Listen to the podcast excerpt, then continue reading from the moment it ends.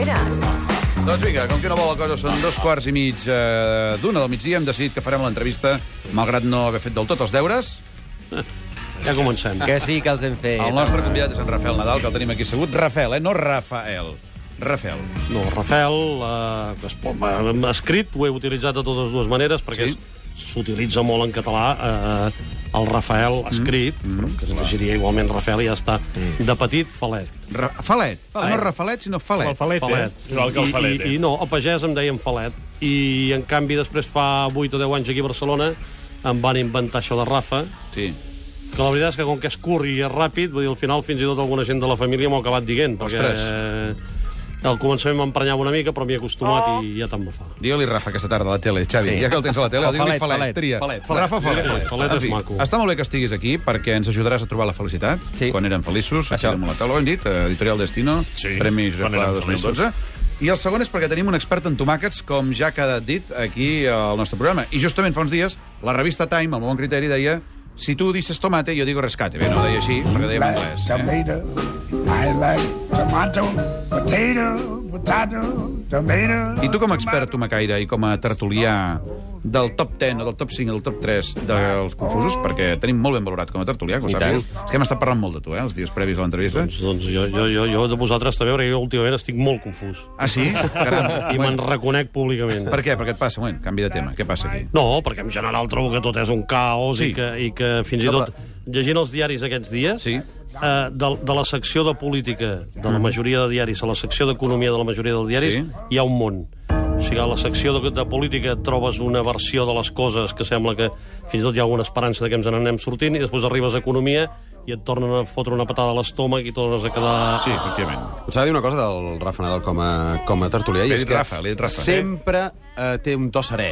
Sí. Això és molt important, perquè a vegades a les tertúlies, quan en fem i tal, eh, hi ha molta gent que s'esvera molt. I sempre que saps que quan parli el Rafael, sempre hi haurà un bon discurs i una cosa argumentada i tranquil·la.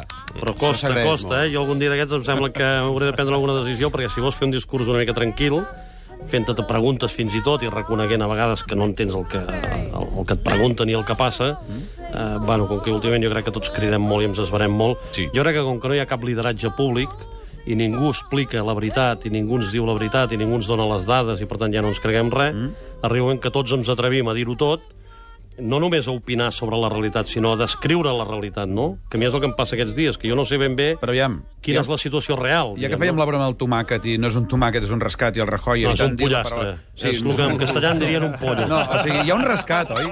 Encara que a Telemadrid no els hi deixen dir, perquè l'Esperanza els ha prohibit que ho diguin a les notícies, això. Bueno, sí, hi, ha, clar, hi ha un rescat, no, aquí? O... Bueno, evidentment, hi ha uns bancs que no poden fer front a la situació, que no tenen recursos i els n'hi han de deixar, han de venir a socórrer-los. Sí. És un...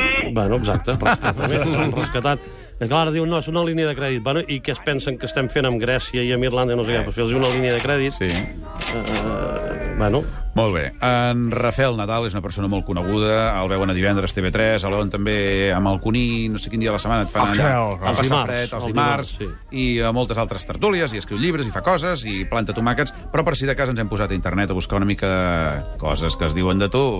Ai, és el perfil digital, l'ha fet la Mariola. Poso el seu nom i cognom al Google i em surten 39 milions de resultats. Super rècord. Rafael Nadal. Hauré de fer una nova selecció. El primer que surt és la paraula Roland Garros. I torno. Poso el seu nom i els seus dos cognoms i em surten 9.000 resultats. Rafael Nadal Farreras. Moltes entrevistes i la seva escueta entrada a la Viquipèdia. Va néixer a Girona al 54 i és periodista i escriptor. Curiosa, ecos-online.de, un mitjà alemany que dona notícies d'aquí, publica premis literaris a Rafael Nadal i Álvaro Pombo. Apunten que va ser director del periòdico del 2006 al 2010.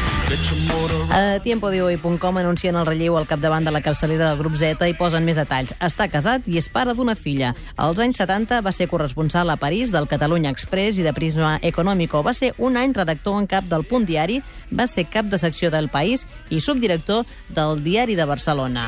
Vaig als vídeos. ella em va estimar tant.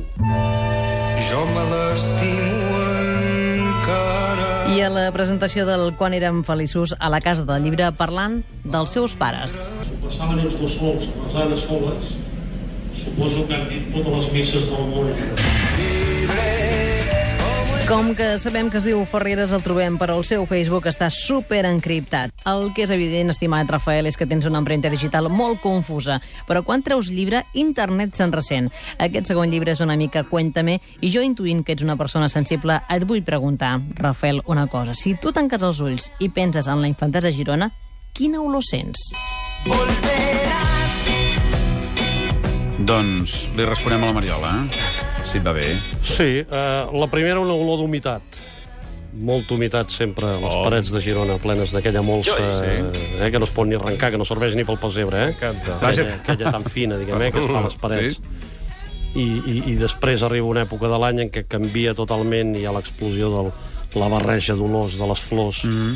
Però una olor agradable, no, no, no tan pesada com el gesamí i aquestes coses més, més nord-africanes o així, que a vegades empalaguen una mica. Jo crec que Girona és l'olor de la xiringuilla, del clavell de poeta, d'aquest tipus de coses. Caram. Ja parla com el seu germà tuitaire. Sí, eh? ja quan sí. s'assembla que estiguis No, fent tuits no, com, no, recordat. com el poeta de l'Unyà, eh? conegut en altres ambients Lo com gaiter de l'Unyà, sí. El gaiter de l'Unyà, conegut com Quim Nadal. Aviam, aquí tenim un llibre damunt la taula, quan eren feliços, del Rafael Nadal, Premi Josep Pla 2012. N'ha venut 20 i no sé quants mils ja. Caram. Una barbaritat. Gairebé 30. Entre Va, 25 i 30. No fotis aquesta cara sí. de modest perquè vas dir que No, gràcies dic- a això estaràs dos anys regalant-te temps a tu mateix, gràcies a que ha anat molt bé de vendes. Sí, perquè jo, jo vaig dir públicament que si el llibre anava bé, pues, eh, tenia coses a mig escriure que volia acabar, però clar, un necessita, diguem, primer que la gent li digui que val la pena, mm.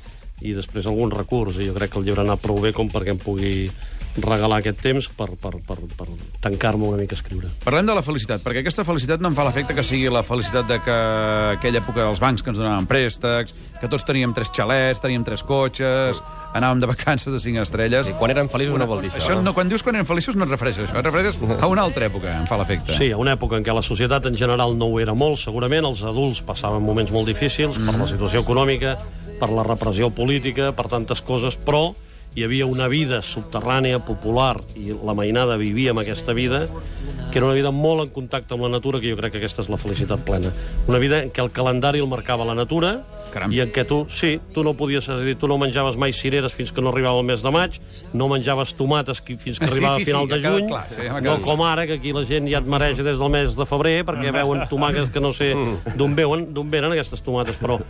I, i, i- I després de les cireres venien els albercocs, i després els nispros, i després les peres de Sant Joan, i tot tenia el seu calendari fins que s'acabava amb els caquis i els melons d'hivern i les pomes tardanes, i, i, i, i no tenies les coses fora de lloc.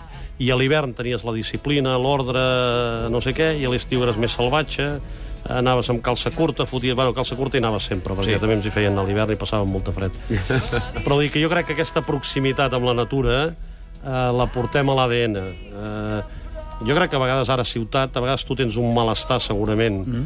i no saps de què és. A l'esquena, Perquè a estàs aquí... Bueno, sí, però a vegades també és pel temps. Però com que estàs aquí tancat i no veus el cel, però si ho veiessis veuries que ve un grop, que amenaça de tempesta i que poder això és el que et crea una mica aquest malestar. Caram, tu. Bé, en tot cas, Sí, però això no ho saps, però et passa. Aquesta època de la que estàs parlant és la postguerra, és la família Nadal, una família extensa, època on la felicitat doncs, era una cosa diferent. Felicitat, Pere, m'has dit felicitat. Home, Bon vespre, com Hola, estàs? Gaspar Hernández, bon com dia. estàs? Bon Hola. vespre. No, bon dia. Avui eh? a l'Orifici de Viure... Rafael Nadal. El... Com estàs, Rafael? Sí. Molt bé, Gaspar. Avui a l'Orifici de Viure Sí. buscarem la felicitat Sí. amb el psicoperiodista Rafael No, Nadal. psicoperiodista no, tio, Rafael, guapo, estàs molt moreno. Sí, sí, és Podries veritat. Acostar-te a mi, sisplau? No, va, sisplau. Per què dius que ara ets més feliç de petit? sí. Què et Sí. passa? Sí, Vols però- que et faci sentir jove? Va, per favor, sisplau. Tinc dins meu una eina Va, que em fa per sentir favor. jove. Una mica Rafael, jo voldria saber, Sí. així com jo trobo la felicitat amb la Coca-Cola, Sí, sí, és clar. cert que tu la trobes amb els pastissos? Aviam. Sí, jo de petit la trobava amb els pastissos, ara la trobo més amb aquestes altres com la ceba, allò matxacada al cop de puny, eh? M'encanta, matxacada m'encanta. Sí, això. Va, per favor. Però escolta, tu, tu no, tu expliques, de fet, arrenca així el teu llibre, eh, explicant que el teu somni era estar en una pastisseria i... Sí, somiava que em tancat. quedava tancat en una pastisseria Sí. i que, per Oh. tant, tenia tots els pastissos a, a l'abast i me'ls mirava i al final bueno, tampoc m'hi tirava al damunt perquè com que els tenia i sabia que els podia agafar quan volgués, jo crec que a la vida, quan tens les coses a l'abast, ja no en tens necessitat. Jo crec que és més important el desig, Sí. a vegades, que la concreció de les coses. Ara! Ja no ho valores, si ho tens. Mira, això és que és, és un cas... El desig et mou. Sí, sí, sí, sí. Potser és que la vida hem desitjat tant i hem tingut tan poc moltes vegades en alguns terrenys que, que vull dir, t'hi acostumes i acabes trobant gust, diguem, Sí, no? sí, i- Però jo crec que el procés del desig, ser conscient que desitges una eh? cosa Sí. i que t'hi vas acostant, això és el que realment et fa feliç. Això, perdoneu, ho diu el punt 7. Diu, la felicitat està a l'antesala de la felicitat, que és quan t'hi acostes cap a ella. Només faltava el punxet. Doncs veus, eh, eh, eh, eh, aquella cosa del psicoperiodista deia... efectivament. És que podries dedicar a això. Mira, el hippie, ja que ha parlat, eh, té una pregunta també per tu sobre aquest tema. Sí, di- som feliços en aquells moments de la vida en els quals no ens preguntem si som feliços. Perdona, això és una merda de pregunta, hippie. Eh, Jo en tinc una altra molt millor, més profunda. Per favor. El que importa no són els diners. El que importa realment és una altra cosa, amics. Uh, per exemple, jo avui faré un curs, bueno, d'aquí uns dies, a la Universitat eh, d'Estiu Ramon Llull. Sí, 8.000 euros, una cosa No, no molt mòdica. no es dirà l'ofici de sobreviure. Va, Eh, per això, favor. això és l'important. Respon sobre el tema de la pasta. Va. És important la pasta o no és important la pasta? O el que és important és no preguntar-se permanentment si No, la, feliços? la, la pasta és important, eh? no ens enganyem. La pasta és important, la justa que necessites per ser lliure. El que passa és que normalment estem en situació en què ens en fem... ens muntem una mica en necessitem molta més de la que necessitaríem de veritat. És a dir, per exemple, si estem aquí treballant i, i t'has de relacionar aquí a Barcelona i no sé què, et costa molta pasta moure't amunt i avall tot el dia. Sí, una fortuna. Si t'anessis realment a viure a Girona eh, a pagès i et dediquessis només a escriure, uh -huh. doncs només amb roba, amb menjar, amb transport i tot això estalviaries tant i tant que la vida acaba sent bastant barata. És a dir, poca cosa te'n podries en sortir molt més. Uh, I, per tant, la pasta no fa la felicitat, per descomptat que no, però necessites per no dependre, diguem, precisament d'haver-te d'aixecar cada dia a les 5 del matí i anar a dormir després de tres feines a les 4 de la matinada i, per tant, només dormir una hora. Amb això es pot ser feliç difícilment, no? Aquí en el llibre fas moltes referències a la família i parles de aquella època, però hi ha un nom clàssic dins la teva família que és, diguéssim, un dels que ha destacat més, no sé si has destacat més tu o ell, que és l'il·lustríssim... Que ningú no esperi miracles. Aquest, sí, efectivament. El que va ser conseller, que va ser candidat a la presidència, ara cap de l'oposició. El, el fill únic. Què vol dir el fill únic? Que és el mimat, aquest? No, però et diu... Sí, que tu dius que el mimat és el gran, el petit i aquest. Va, és O que la aquest petita. és el Ell és gran. el gran, és no, el gran. petita. El gran i, el, i la petita, que és aquest i la petita. Mm -hmm. uh, en Quim diu sempre que ell és fill únic, perquè, diguem, va, va marxar de casa i va anar intern abans que els altres. Quan va tornar ell, els altres estàvem a l'internat. Mm -hmm. uh, quan els altres van tornar a l'internat, ell ja estava a Barcelona, després se'n va anar a Liverpool, no sé què, i, per tant, ell ha viscut poc el caos dels 12 fills, i, per tant, uh, ara a vegades faig broma de dir que a casa som uh, el fill únic Quim i, els, els 11 altres i els 11. 11 germans. Sí, perquè, diguéssim, a casa, diguéssiu, éreu molts germans i éreu d'una moral molt estricta, en canvi heu sortit una mica més dispersos, tots plegats, eh? Sí, absolutament dispersos. És veritat, home, han sortit més... això ho fa el nombre, també, eh? Perquè Sí. quan ets tants, diguem, hi ha molta disciplina, Sí. però si la compleix, a dir, si a les 9 ets a taula a sopar o, o tal, vull dir, i per tant et veuen quan t'han de veure, la resta del dia no, no te n'afecta mai, és a dir, tu fots el que vols. Vull dir, et perds molt fàcilment i t'escaqueges molt fàcilment, no? Ara, has de ser... Això és com la mili, en els moments oportuns, quan criden el teu nom has de dir presente. Caram. I, i, i després més aviat amagar-te. Cap allà. Bé, quan eren feliços el Rafael Nadal, aquestes són algunes de les coses que podran eh, veure al llibre, però aquí tenim també una persona que ens pot parlar de molts temes, i tenim el Xavi Coral, que té com un desig, ja que ha vingut i li, li ha costat tan poc descobrir... Ah, jo, jo t'ho tradueixo, això que està dient el Pere. Ells Té no- ganes de fer-te preguntes, Ells el no s'atreveixen a fer No. una part de l'entrevista i llavors li fan fer en el... No, és- però sí li he dit de tot, ja. En li he dit. l'ajudant, en l'ajudant. No és veritat, a l'ajudant, tu ets l'ajudant. A veure, Rafael, a- ara has revisitat la teva infància, la teva joventut, però creiem que et faltarà un altre llibre de memòries, ja de una mica més grandet. Volem les memòries periodístiques. Les faràs? Hi ha algunes pàgines escrites amb un calaix de l'editorial que es van fer simultàniament amb el mandarins d'una cosa que es diria periodistes, però bueno, que és més, poder més, més anecdòtic, més costumbrista, més... és una mica el pas per algunes redaccions amb algunes anècdotes de, del pas per la redacció. Doncs com a gran periodista, voldrem que ens ajudis a acabar uns titulars, que hem començat nosaltres però no sabem com acabar-los. Música. Aviam. El primer diu així, la prima de risc un dia més disparada. Vist el panorama, recomanem a la població posi sota refugi. que maco és fer turisme, deu pensar Carlos Díbar, president del Tribunal Constitucional. La gent, en canvi, deu pensar... Quina cara, directament. No és el Constitucional, aquest senyor. No, és del Consell General del Poder Aquí Judicial. del Constitucional? No, No, no, no no, és, no, no no és, és. Suprem. Mentre l'economia naufraga, els diputats discuteixen les xiulades. Aviat... Uh, aviam com ho deia, això. Per què rius, per què rius? Perquè això és un tuit que vaig Ah! dir que a, a, aviat ja no tindrem país, però això sí, tindrem símbols eh, banderes, corones, tindrem de tot. Comentari que va generar una alegria Sí, en, sí. el, en el Twitter, eh? Sí, això, això del Twitter és molt agraït, sí, Sí, és en molt aquest distret. sentit, sí. Eh, Segurament molts oients recorden grans portades del periòdico quan eres director. Recordo, per exemple, la de Guardiola tocant a Déu simulant la coneguda pintura de la Capella Sixtina. Va ser el dia de la final de la Champions a Roma. Si ara ho haguessis de tornar a fer, i tenint en compte que hi pots posar dibuixos o fer el joc de paraules que vulguis, a veure quina portada dissenyaries, per exemple, eh, una dedicada als silencis de Mariano Rajoy. Home, podria ser una portada o tot en blanc o tot en negre, eh, i després, diguem, al mig, molt, molt petit, gairebé amb, amb, amb, amb, amb cos buit, diguem, de peu de foto, allò, Rajoy ni és ni se l'espera, o Rajoy no, no compareix, no dona la cara, el que sigui, no? Més Podria- portades. Tito Vilanova presentat oficialment com a nou entrenador del Barça. Aquí, aquí hauríem d'anar per la cosa de Bellcaire i la cosa de les tomates i tot això, eh? Jo crec que això, el, el Tito hauríem de fer una mica de patriotisme gironí. Una foto del Tito recollint tomates. Un altre, Eurovegas ve a Catalunya, que avui hi ha rumors que diuen que serà així, però encara no està confirmat.